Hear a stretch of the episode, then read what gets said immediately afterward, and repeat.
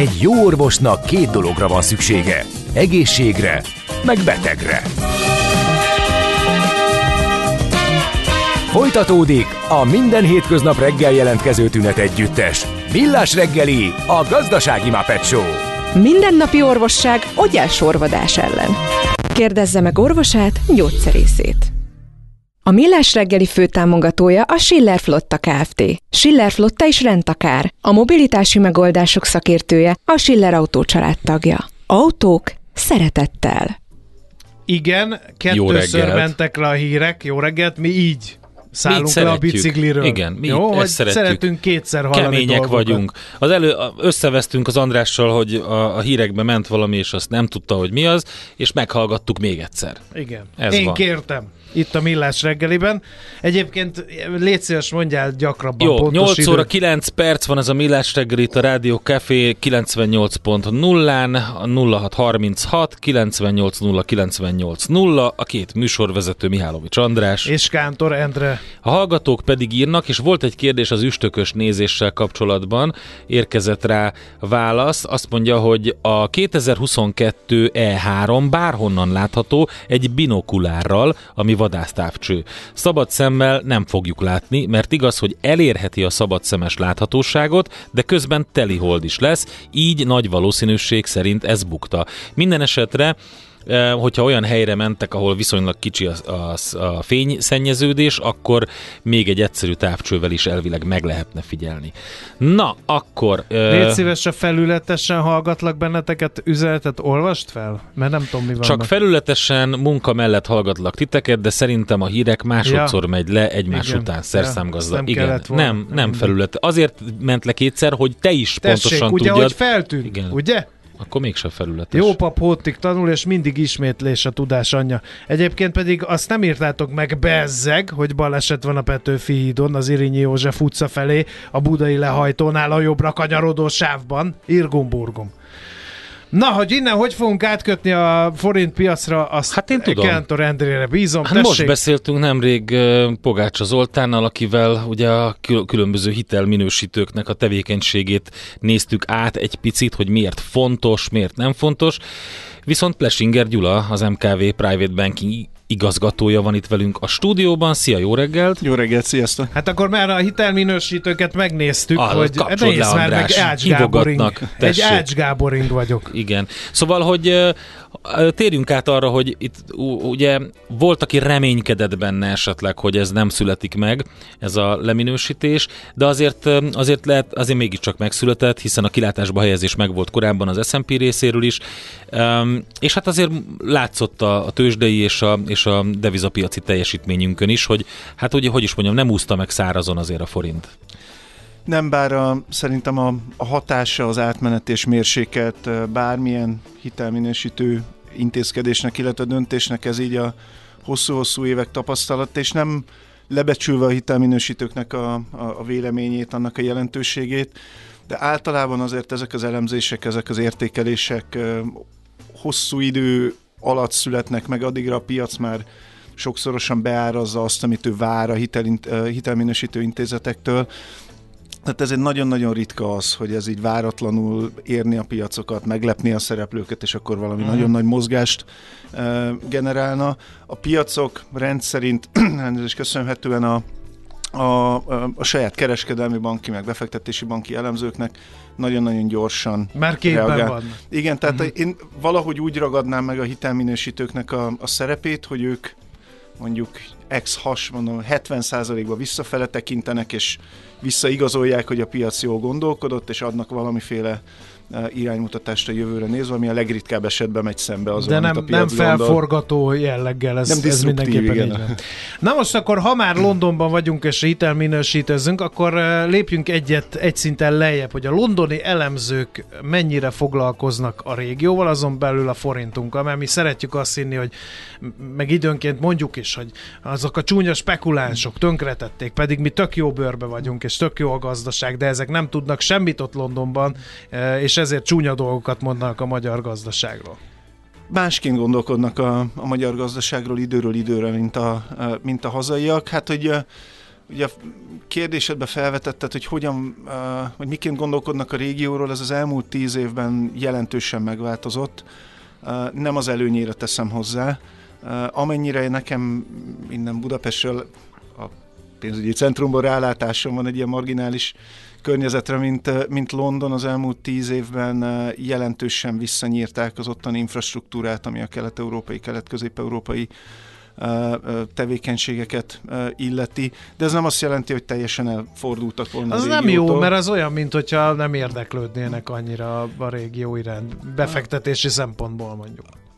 Én azt gondolom, hogy ehhez kellett az a globális monetáris politikai környezet is, mm. hogy egy kicsit olyan kevésbé lett izgalmas, ami, ami az itteni piacokon történik. Másként fogalmazva, izgalmasabb volt az, ami a fejlettebb piacokon történt, és oda, oda fókuszálták az energiákat, de még egyszer nem arról van szó, hogy itt teljesen lekerültünk volna a radarról.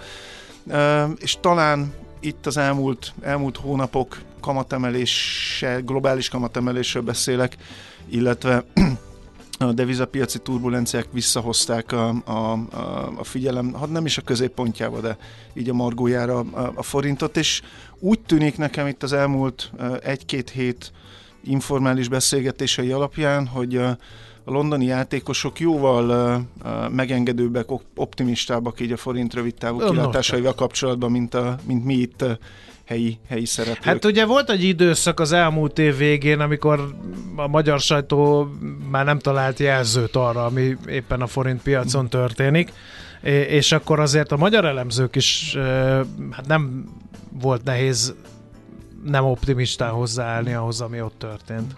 Mármint, a, Mármint a, amikor beszakadt, és már mindent mondtak, hát, hogy ja, amikor nem lehetett tudni, hogy mikor nem áll meg tudni, a nehéz kő 400 igen. fölött. Így van, hát ezt ugye mi itt a, a helyszínen éltük meg, és azért a, a, az elemzői gondolkodásról, a befektetői gondolkodásról el lehet mondani, hogy azért sokszor adaptív, tehát hogyha benne vagyunk a, a slamasztikában, és, és ilyen fájdalmas környezet vesz minket körül, akkor hajlamosak vagyunk ezt ugye projektálni. Tehát ezért szerencsé, hogy van ugye millás reggeli, mert hogyha figyelmes hallgatók, akik nem csak felületesen hallgatják a műsort, emlékezhetnek rá, hogy hogy talán november tájéken beszélgettünk arról, hogy az euróforint árfolyam csúcsát valószínűleg láttuk. Ez idáig bejönni látszik, viszont azt azért nekem töredelmesen be kell vallanom itt országvilág előtt, hogy az, hogy mi tartósan 400 alatt leszünk, arra azért, azért nem számítottam.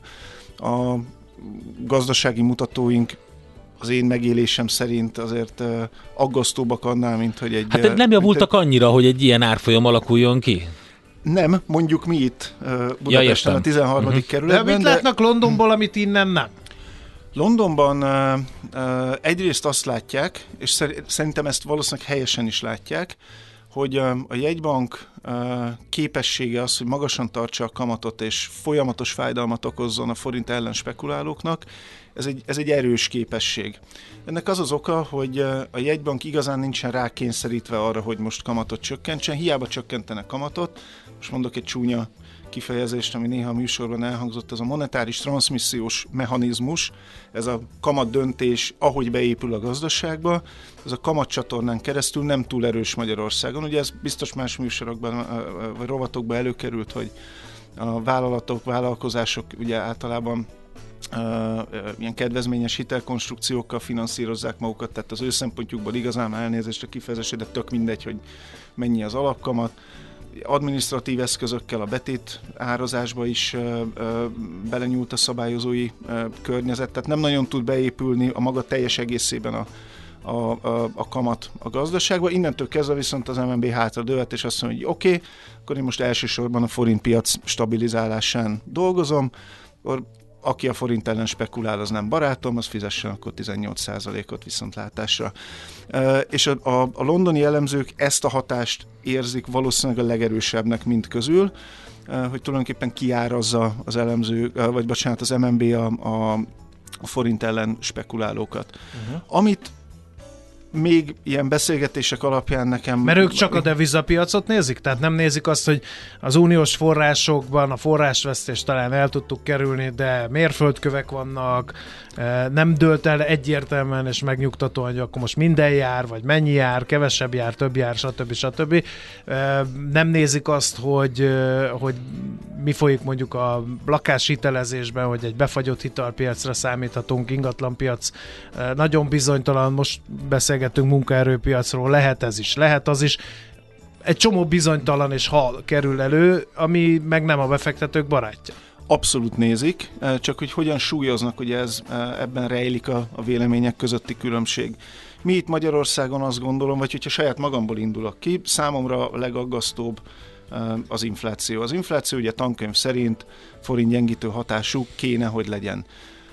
Fogtam magam tegnap este itt a műsorra készülve, és előre elnézést kérek a, a, a közgazdászoktól, akik sokkal laposabb modellekkel dolgoznak. A, talán el lehet mondani, hogyha valakit érdekel, a tradingeconomics.com oldalon nagyon klassz adatsorokat lehet letölteni. Összehasonlítottam a magyar export szektor sújtó inflációt és az eurozóna fogyasztói árindexét, hát a nőrült nagy különbség nincsen. Tehát egyrészt én úgy élem meg itthon az inflációt, hogy ez szörnyű, külkereskedelmi szempontból viszont első ránézésre is kérem, hogy a szakértő kollégák cáfoljanak, hogyha most népbutítok, de első ránézésre úgy néz ki, hogy nem e, ártott annyira a külkereskedelemnek a, a, a hazai, vagy itthon tapasztalt e, magas infláció. Tehát egy kicsit lehet, hogy a londoniak kevésbé érzik ezt súlyosnak. A, a, az ottani vélemények, amennyire én a szűkös erőforrásaimmal össze tudtam gyűjteni, például a gázár csökkenését ugye a, a, a holland piacon nagyon fontos pozitív fejlemények. Hát ugye a... egyértelműen a forint hozzá volt kötve, tehát azt lehetett látni, hogy... Igen, csak mi meg ugye úgy éljük meg, hogy fizetjük a, a, persze, a számlát, persze. tehát hogy, hogy teljesen más a, a, a, a Na de, akkor ez, na de akkor ez vice is igaz, mert hogyha mondjuk lesz uniós megállapodás és végleges, és kiderül, hogy mennyi forrás jön, halassulni látszik az infláció, akkor meg ennek, ennek megint nem lesz olyan forint erősítő hatása, mint amit mi remélnénk. Gondolom én. Hát én szerintem nincsen egyértelmű. Tehát, hogyha összerakjuk valamennyi faktort, ami a forint piacra hat, számomra továbbra sincsen egyértelmű irány. Nagyon sok minden szól amellett, hogy a, a forint elmúlt években tapasztalt gyengülése az, ha nem is az, az ősszel tempóba, de, de újrainduljon. Ha most itt nekem, mert nyilván egy piaci embertől elváratik, hogy valami egyértelműt mondjon, én a következő hetekre inkább forint gyengüléssel számolnék, szerintem egy kicsit túlszaladt a, a, a forint annál, mint ami indokolt lett volna. Az MNB ülés után volt egy nagyon-nagyon intenzív, majdnem 10 forintos erősödés az euróval szemben. Én azt gondolom, hogy ennek úgynevezett technikai okai voltak, tehát emögött semmi fundamentum nem volt, csak valószínűleg egy külföldi játékos zárta a pozícióit. Tehát egy picit túlszaladt szerintem a deviza. Én átmeneti gyengülésre számítanék, de való igaz az, hogy ez a 18%-os egynapos kamat, ez, ez valószínűleg a, a, a súlyos gyengülési hullámokat megképes. Akkor egy ilyen tóligat lehet mondani? Mert ezt is szokták, ugye év eleje van, még január utolsó napja van, Présej ki, présej ki a Gyulából valamit. Mit, mit, mit, mit, mit szeretnél hallani? Mit mondjak? Én mondok, mondok valamit. Hát én mondok azt... én, és akkor majd alá vagy fölé lövöd, hogy ilyen 3, hát, 90 hát, és 4, 10 között. 3, 50, 5, 40 között. Jó, oké. Okay. 5, 40? Na már hát megy is a Blitz címlap. Valószínűleg nem hibázok vagyok, nem igen, gyorsan ki, kihátrálok ebből. Én, én azt gondolom, hogy a mostani árfolyamhoz képest az, év, az év vége talán egy kicsit tud majd forint erős, vagy erősebb forintot fog látni, tehát most hasamra csapok, mondjuk mondok egy 375-öt, de ez nem lesz egy egyenes, egyenes út, és ez azért nagyon sok feltételnek teljesülnie kell. Például a Fed fejezze be a maga maga kamatemelését, csökkentse a nyomást a fejlődő piaci devizákon. Na kérem, hát ugye így kell átvezetni, profi rádiósat Gyula, mert hogy most zenélünk, és utána, hogy emészétek a forint piaci elemzésünknek a, a gondolat sorát, és akkor utána jövünk vissza, hogy a Fed akkor méltóztatik-e enyhíteni a nyomást a fejlődő piacokon, vagy nem, úgyhogy tartsatok továbbra is velünk. Rádió 98. A minőség soha nem megy ki a divatból. Tovább beszélgetünk Plesinger Gyulával, az MKB Private Banking igazgatójával. Több minden érkezett az előzőekhez. Például az, hogy nem voltak annyira rosszak a mutatók, mint amit páran vizionáltak. A környezetünkhöz képest a 400 fölötti euró az energiavásárlási kényszer miatt pörgött fel, mert a sok speki beállt eladni, nekünk egyre drágábban, aztán mikor ez sokba került, akkor elmegy a kedvük tőle, mert ők fizetik a kamatot. Most, hogy az energia ára lement, a speki drága, így elhúztak máshová, ahol lehet keresni. Úgyhogy ő, ő ezt mondja, kedves hallgató. Igen, e, és közben a zene alatt beszéltünk így a Gyuláról, vagy a Gyulával arról, hogy, hogy mennyire szerencse ez a dolog, mert vannak most már szögegyszerű magyarázatok, hogy oké, okay, megúsztuk, mert ennyi volt a tél. De ha nem lett volna ennyi a tél, akkor most nem lennénk ilyen optimisták se forintba, se semmi másba, se Európában, se Magyarországon. Igen, bár nem vagyok gáz szektor szakértő sem sok egyéb mellett, a legjobb tudomásom szerint, ugye, amit gázt most használunk, ezek az eléggé drágán kerültek a, a tározókban, majd hogy nem mindegy, hogy ár szempontjából, fogyasztott mennyiség szempontjából nem, de ár szempontjából majd hogy nem mindegy, hogy hogy most akkor keménytelünk van, vagy, vagy kevésbé. Nem gondol, tehát nyilván a hangulat szempontjából segítette a forintot, sokáig szépen együtt is mozgott a, a, a forint árfolyam, illetve a, a, a TTF, de nem egy az egyben feleltethető meg azért. Tehát óv, óva intenék az ellen, hogy valaki a, a nemzetközi gázár tendenciájából deriválja akkor az euróforint árfolyamot. De ezzel együtt itt a az előbbi eh, hangsúlyozottan iróniát, ezt az 540-et, ezt akkor törölném is az éterből, ha lehet, hogy nehogy véletlenül az, az ebből aztán szalagcím legyen. Igen. Hát az, eh, az csak azért mondtam, hogy ne tudjanak belőlem kipréselni semmi konkrétumot a, a riporter kollégák. Nagyon helyes. Uh, menjünk akkor vissza a Fedre, mert hogy, hogy furcsa módon Amerikával kapcsolatban, az Egyesült Államokkal kapcsolatban is mintha optimistábbak lennénk, mint mondjuk négy héttel ezelőtt, vagy öt héttel ezelőtt voltunk, ami azért meglepő, mert a makrogazdaságban nem szoktak ilyen gyorsan változni a hangulatok.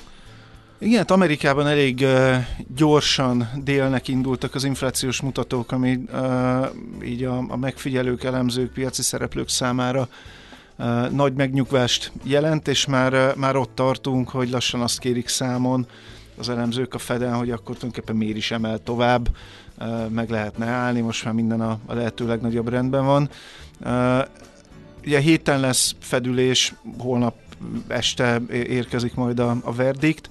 Itt azért a piac uh, higgadtabb elemzői még további 25 bázispontos emelésre számítanak, tehát a, a sáv, ami belül a, a, a, ugye az amerikai kamatok mozoghatnak, az 4,5-4,75 százalék között lesz várhatóan holnap, holnap estétől. Való igaz, hogy csökken. Ez nem jó hír nekünk, nem? Um, Mert ha Amerikában, ami a világ közepe és a legnagyobb gazdaság, ott ilyen jól lehet keresni, akkor ki a fene jönne el ide a ki tudja milyen országokba, Kelet-Európába. Hát egyebek mellett ezért is utalnék vissza arra az előző blokk végi elő, privát előrejelzésre, hogy azért valószínűleg itt a, a forint számára nem vezet egyenes út az erősebb árfolyamok felé. Tehát amíg a, amíg Amerikában emelkednek a, a, a kamatok, már pedig Hát a várakozások meg az árazások szerint a második negyed évben csúcsosodhat majd az amerikai kamatpálya már érezhetően 5% fölött, 5 és 1 negyed, 5 és fél százalék lehet valószínűleg a, a vége. Való igaz, hogy az ottani kockázatokhoz képest az egy, az egy, az egy attraktív és vonzó befektetési destináció. Tehát ugye ez szokott, ez szokott a fejlődő piacoknak általában hasfájást okozni, hogy ami, ami a Fednek, ugye, meg az amerikai gazdaságnak jó, Uh, ugye a dollár, ami devizánk és a ti problémátok, ez a, a, ez a motto hangzott el azért sokszor a történelem folyamán. Nem könnyű így navigálni. Igen. Az Figyelj, biztos, sőt, egy ilyen Fed... borz, borzasztó Bocs. nehezített hét van, mert a, ugye az LKB és a Fed egyszerre dönt, ami, amire nem is tudom, mikor volt utoljára példa, ugye erről beszéltünk korábban is, hogy ez egy érdekes együttállás, tehát van mire figyelni.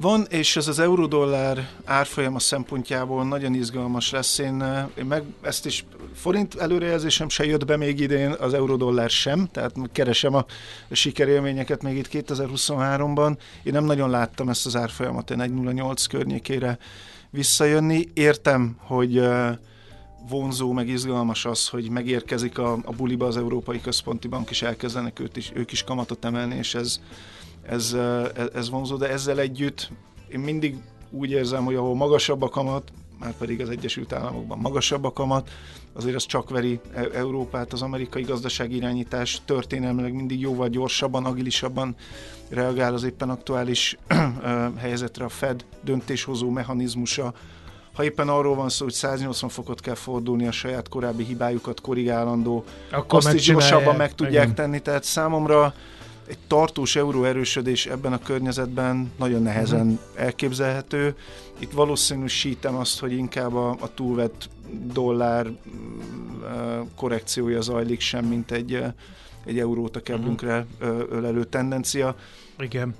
Figyelj, mennyire uh, kell megveregetni a Fed vállát? Mennyire az ő uh, kamatemelési uh, aktivitásának köszönhető az, hogy minthogyha ott is szelidülni látszana az infláció, vagy köszönjük szépen a gazdasági szereplők ezt megoldották magukat, mire a, maguknak, mire a Fed észbe kapott. Mert itt is vannak kritikus hangok a Fed tevékenységével, miért most, hogy egy kicsit el van késve jelesül.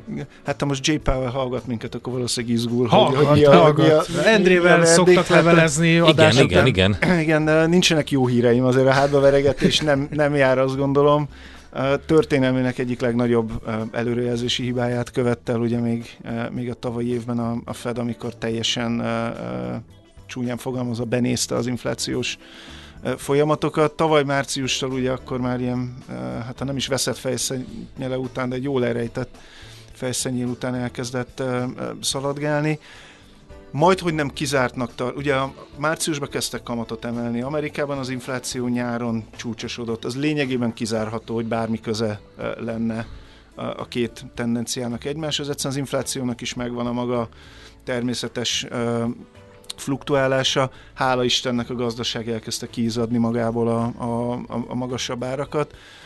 Erről biztos sokszor beszéltünk már, azért a monetáris politikai intézkedések egy kicsit így a gyógyszer analógiával érthetők meg, egy fejfájás csillapító, de jó lenne, hogyha azonnal hatna, de, de nem. De nem, igen. De nem. Uh, ugyanígy, Aztán meg hat, de minek? Na igen, és akkor most éppen ezt, ezt a kockázatot futja a Fed, hogy esetleg bevet három fejfájás csillapítót, miközben a fejfájás És ettől kicsit elmúlt, enervált lett, pedig már lassan pörögnie kéne, igen. igen. És hát szorítja, igen, vissza, vagy szorítja le az inflációt, ki tudja, hogy éppen optimális szintre. Tehát a viták a Feden belül valószínűleg erről zajlanak, hogy oké, okay, hogy most még mindig emelünk, aminek a hatása az majd egy év múlva érződik, de egy év múlva lesz-e szükség arra, hogy, uh-huh. hogy gyógyszeres kezelést kapjon a, a, az amerikai gazdaság infláció okán.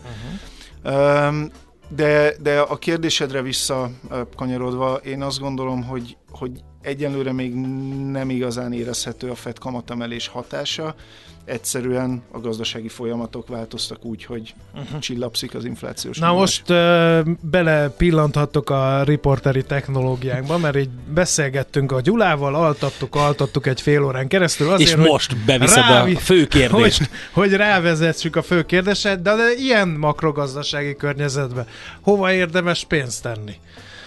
egy magyar befektetőnek, mert most már az amerikaiakat hagyjuk egy kicsit békén, majd ők valamit kezdenek magukkal lakossági állampapír slussz, gondolom én. Hát a slusszon azért szerintem 2023-ban érdemes már, érdemes már egy kicsit túl, túl pillantani. Uh, nyilván itt egy elkényeztetett helyzetben vagyunk Magyarországon, mert egy olyan lakossági instrumentum jár nekünk, ami azért a világon nagyon másút, uh, másút nem elérhető. ebből a szempontból az, hogy komoly érdeklődés van a prémium magyar állampapír iránt, haza tudok csak beszélni, ami privátban kiüzletágunk is ezt az érdeklődést, ezt, eh, ezt tapasztalja, ezzel nagyon nagy uh, újdonságot talán nem is, nem is mondok. Ugye ami miatt mi vizsgáljuk a, a lakossági állampapír dominanciáját, az az egyszerű tény, hogy ott ugye az fizet majd egy ilyen 15% környéki, legalábbis idén jegyzett papírok, vagy új papírok a körül fizetnek kamatot, ez mind szép és jó de annál többet ugye keresni már nem fog tudni a befektető. Nyilván sokaknak ez bőven elég, ott akkor a beszélgetés véget is ér.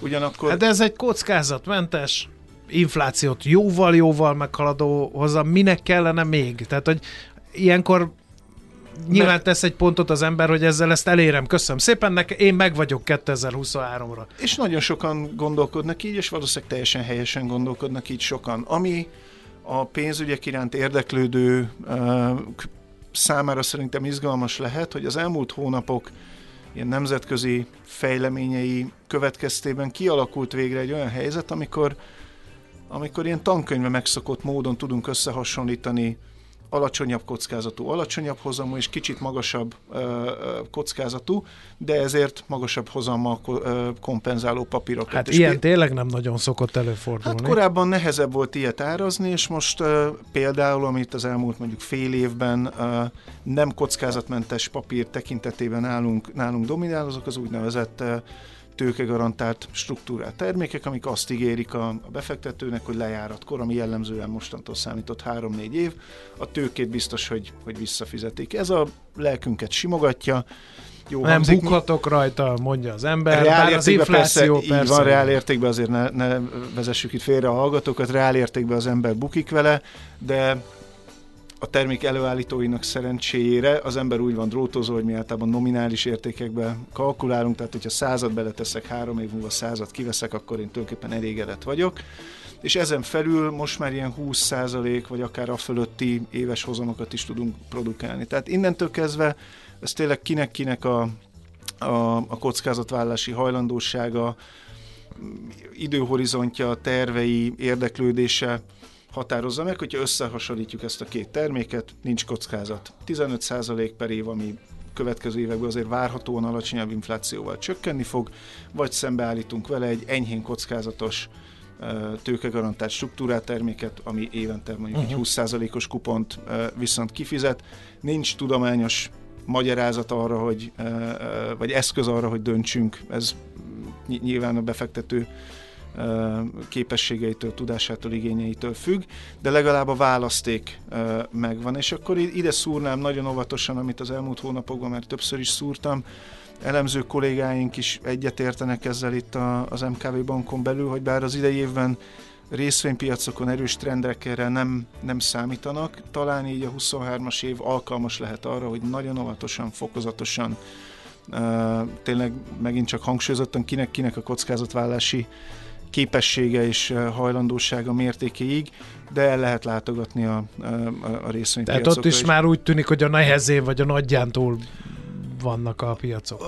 Ez a, ugye a részvénypiacok klasszikusan mindig előre tekintőek. Tehát, hogyha azt látjuk, hogy most a Fed eléri a kamatemelési pályának a csúcsát, innentől már lefelé megy majd, erősíti a gazdaságot, stb. Talán stb. szelidül az infláció, Talán ami nyomja az infláció. A ez, mhm. ez kedvező lehet a, a részvénypiacoknak. Az, az üzenet az nyilván hivatalból is, meg sokan hallgatnak, sok, ö, ö, hallgatják itt a műsort is, nem csípőből tüzelünk.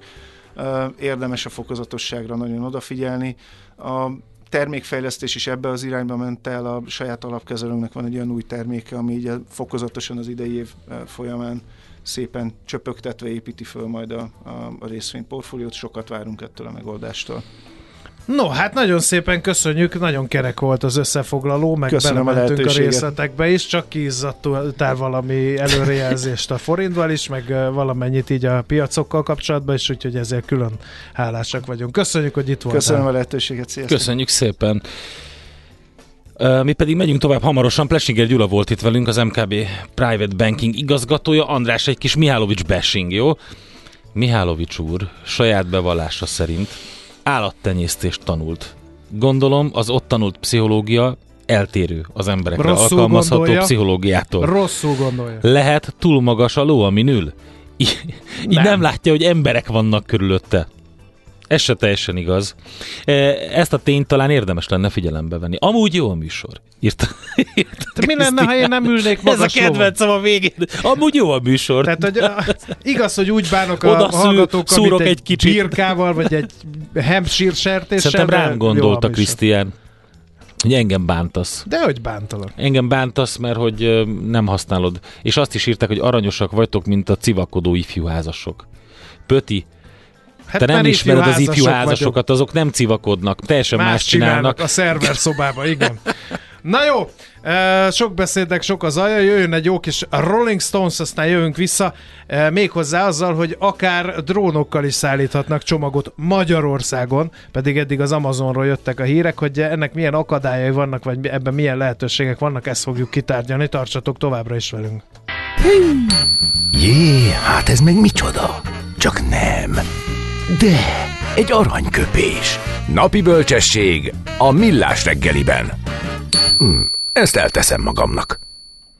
Na, hát Norman Mailer, igen. aki száz éve született száz éve, pontosan. igen, és Katona Csaba lobbizott, hogy ő legyen a mesél a múlt rovatban, de a kattarói matróz lázadás nem tudta kiütni a nyerekből Mert nem én szerkeztek ha azért. Ha te szerkesztettél volna, akkor, akkor Norman, Mailer, Norman lenne, Mailer lenne. És azt is elárulom, hogy milyen aranyköpés lenne, mert az első aranyköpés az adásmenetben az az én aranyköpésem. Azt te mondtad? Mondok, valójában te mondod? Nem, amit én mondok akkor Norman Mailertől. Postás, te... postás Norman igen. idézet. És a második idézet, az pedig inkább a te szerkesztésed esetén ja, kerülne értem. be az adásba. Tehát te Tehát kabarét csinálsz egy ilyen reggeli, kedreggeli, kemény, kiméletlen kedből egy kabarét csinálsz. Nem, a kiméletlen kedhez illő Norman Mailer aranyköpést Jó. fogok felolvasni. Rendben, így hangzik. Parancsolj. Így hangzik. Férfi vagyok. Nem szabad föladnom. Soha semmitől se ijedtem meg, és ezentúl se fogok megijedni. Ha egy férfi begyullad, nyavaját se ér többé. Na, akkor elolvashatnád, Ez a hogy Arthur Miller mit mondott Norman Mailerről, miután megjelent a Marilyn Monroe biográfia, biográfiája. Hát elég csúnya dolgokat, és abban nem, nem feltétlenül nevezte férfinek. Norman Mailer. Na mindegy. Akkor elmondom én is azt, amit nekem szentel, jó? Igen. A demokrácia egy megtisztelő állapot olyan országok számára, melyeknek polgárai nem csak készek arra, hogy élvezzék a szabadságot, hanem arra is, hogy azt fenntartsák, még ha nehéz munkával is. Köszönöm, az nagyon fenkölt. Ez most, András, fe, megmondom őszintén, a szívemhez szóltál ezzel. Tehát Igen, mert tudtam, hogy te ez ezt nagyon fenkölt. Volna. Köszönöm. Igen, nem fenkölt, feng shui. Értem. De Jó. Az ugyanaz. Na most muzsikáljunk egyet, aztán akkor nézzük meg a drónos kiszállítás lehetőségeit Magyarországon. Energia ingyen? Rádió Café 98. Na nézzük azt, hogy hogy működik ez a drónos házhoz szállítás, ráadásul Magyarországon, mert hogy van egy olyan kezdeményezés, hogy a házhoz rendelt termékek drónos kiszállítását tesztelheti az adatvezérelt logisztikai megoldásokat kínáló Dodo és a webshoppal rendelkező Rossmann drogéria hálózat. Első lépésként tesztrepülést végeztek a csomag drónra helyezéséhez, továbbá a felszálláshoz és a landoláshoz szükséges időt mérték fel, de hogy hogy megy innen tovább ez az egész, azt kérdezzük a Dodó magyarországi képviselőitől, dr. Sáfár Károlytól, aki itt van velünk a vonalban. Jó reggelt! Jó reggelt, az ember, a hallgatók. mikor először olvassa ezt a hírt, együtt eszébe, hogy ez utópia. Á, ez Magyarországon úgyse fog működni, ez egy média hack, bekerült a hírekbe, aztán elfelejtjük, és soha nem fog uh, drónos csomagszállítás uh, megtörténni Magyarországon. A szkepticizmus pedig azt táplálja, hogy uh, nem tudom, hogy milyen a drónszabályozás Magyarországon. Meg egy ilyen uh, szolgáltatás beindítása ezzel problémával jár. Hol száll le?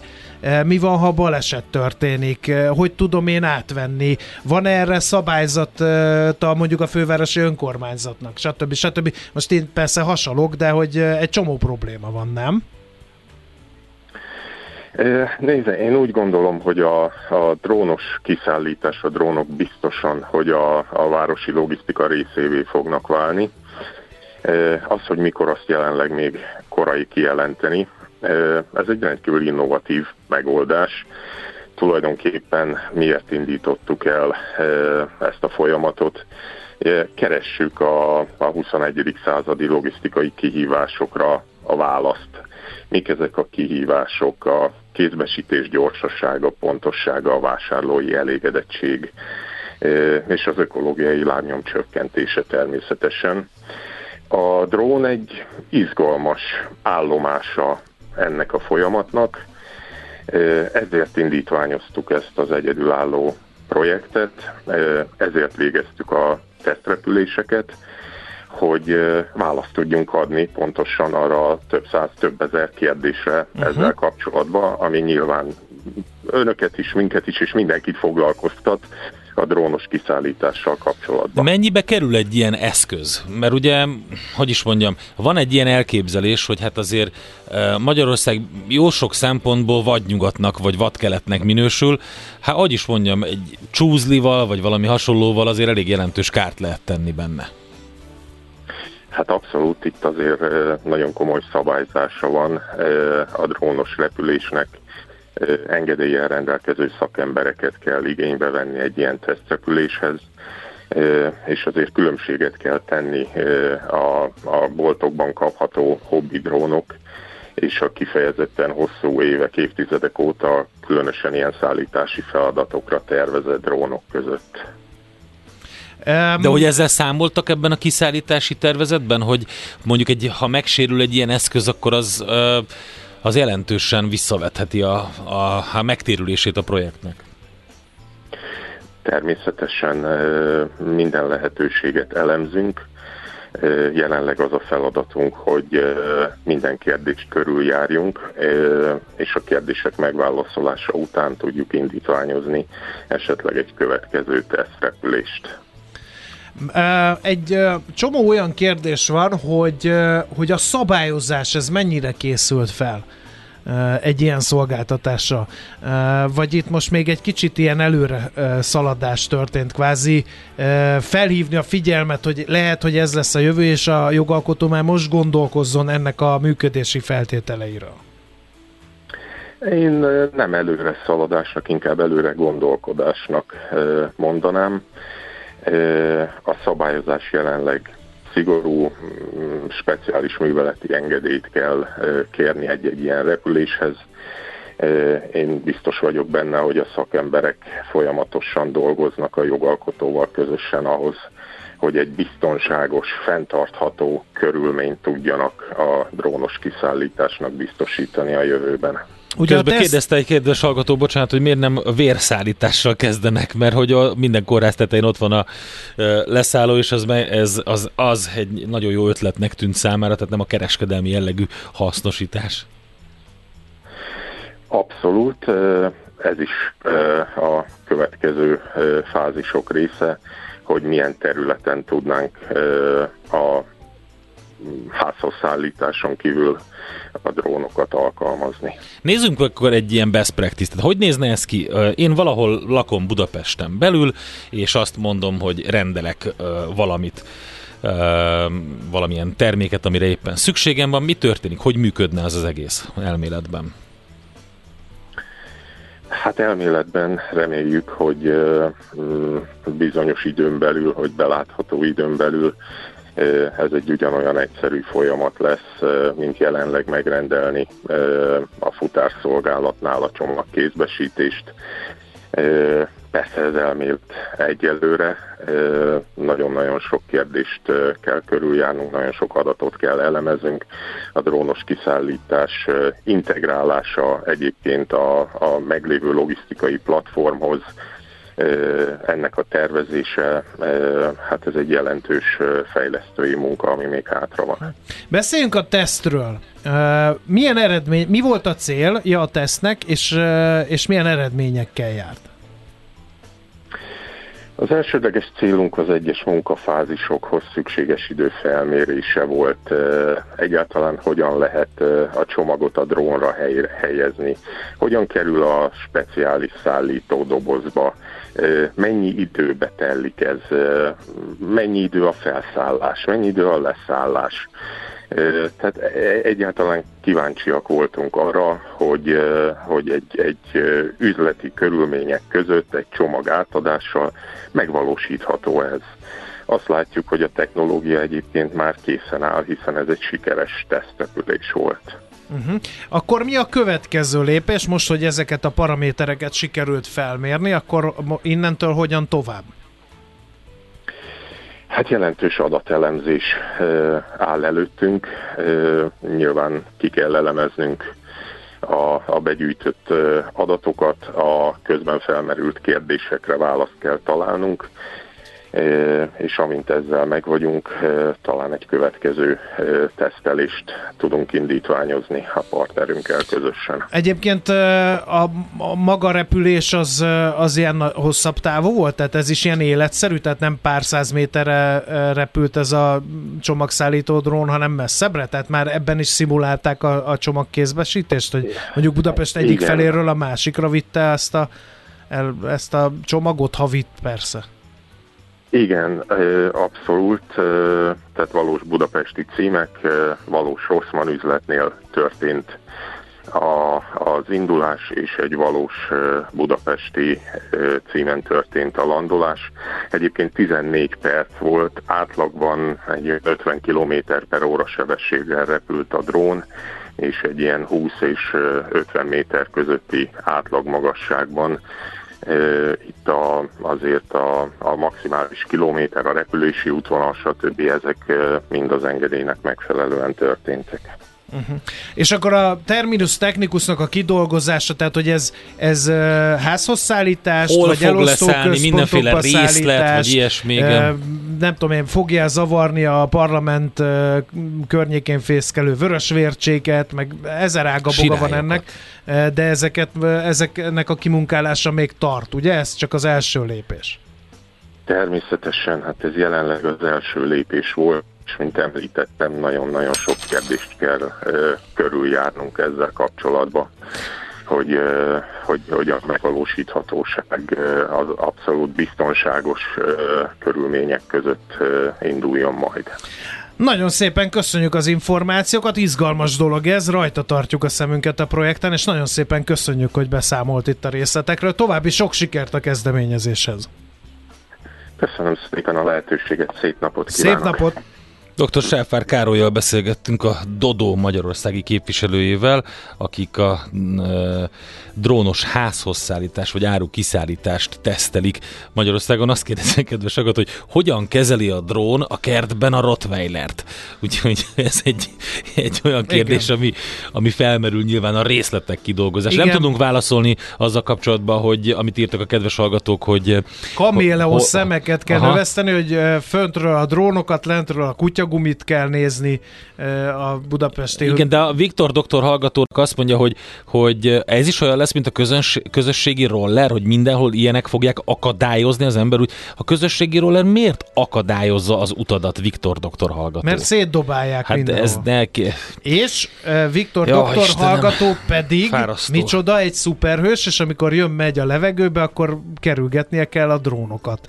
Így akadályozzák a drónok az ő tevékenységét. Na, e, menjünk tovább, mert hogy e, mesél még sok a múlt. dolgunk van. Jön, mesél a múlt. A kattarói matróz lázadásról fogjuk faggatni Katona Csabát. 1918. február 1 első, elsődikén volt. Elsődikén, igen. Na, tessék. Na, szépen. de most jönnek a hírek, lehet, hogy duplán, lehet, hogy szimplán legyen ez meglepetés. Minden esetre fogadjátok Várjál már még egy dolog. Még az egy előző dolog. Rolling Stones kérdezik sokan, hogy ez melyik műsornak a, a zené volt a felkínálom? Én úgy emlékszem, az Én volt. Is. A 80-as években ez a nóta. Úgyhogy igen, ez a válasz erre. Na jöjjenek most már a hírek a rézangyalán.